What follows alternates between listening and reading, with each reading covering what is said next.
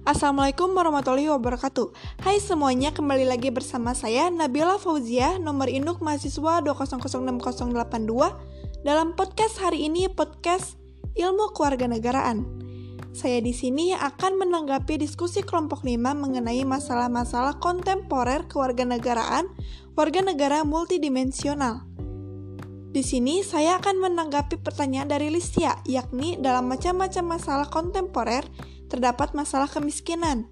Bagaimana solusinya agar kemiskinan ini dapat mulai surut?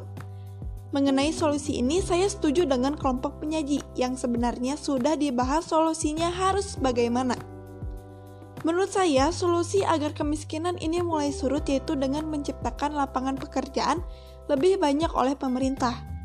Tapi menurut saya, masalah yang paling utama adalah masalah pendidikan.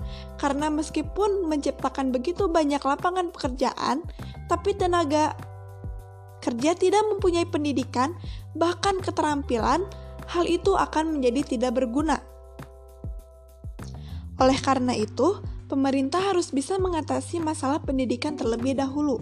Solusinya bisa dengan mempermudah bantuan pendidikan Menurut saya hal ini sudah pemerintah lakukan, yakni dengan mengadakan program KIP, yakni Kartu Indonesia Pintar, sehingga tergantung kepada masyarakat bagaimana mereka memanfaatkan bantuan itu.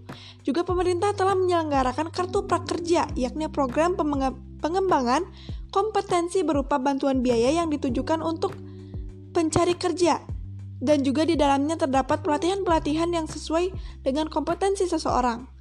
Mungkin yang paling dibutuhkan saat ini adalah lebih banyak, lebih diperbanyak lagi lapangan pekerjaan yang ada.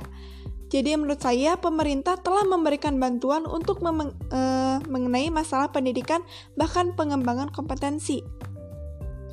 Tapi tentunya bantuan ini akan terhambat jika adanya oknum yang memanfaatkan ini untuk korupsi, sehingga pemerintah harus bisa memberantas para koruptor agar hal ini tidak terjadi sehingga pemerintah harus bisa memperbaiki kualitas pegawai-pegawainya eh, terutama bagi pemimpin pemerintah tersebut. Juga pemerintah harus bisa memperbaiki kualitas penegak hukum dan aparat hukum karena merekalah yang paling rentan disuap oleh para koruptor ini. Tentunya eh, juga untuk menangani masalah ini membutuhkan waktu yang sangat lama, mungkin juga bertahun-tahun. Mungkin hanya ini yang bisa saya tanggapi. Mohon maaf apabila ada kesalahan. Terima kasih sudah mendengarkan podcast saya hari ini. Sampai berjumpa kembali di podcast selanjutnya. Wassalamualaikum warahmatullahi wabarakatuh.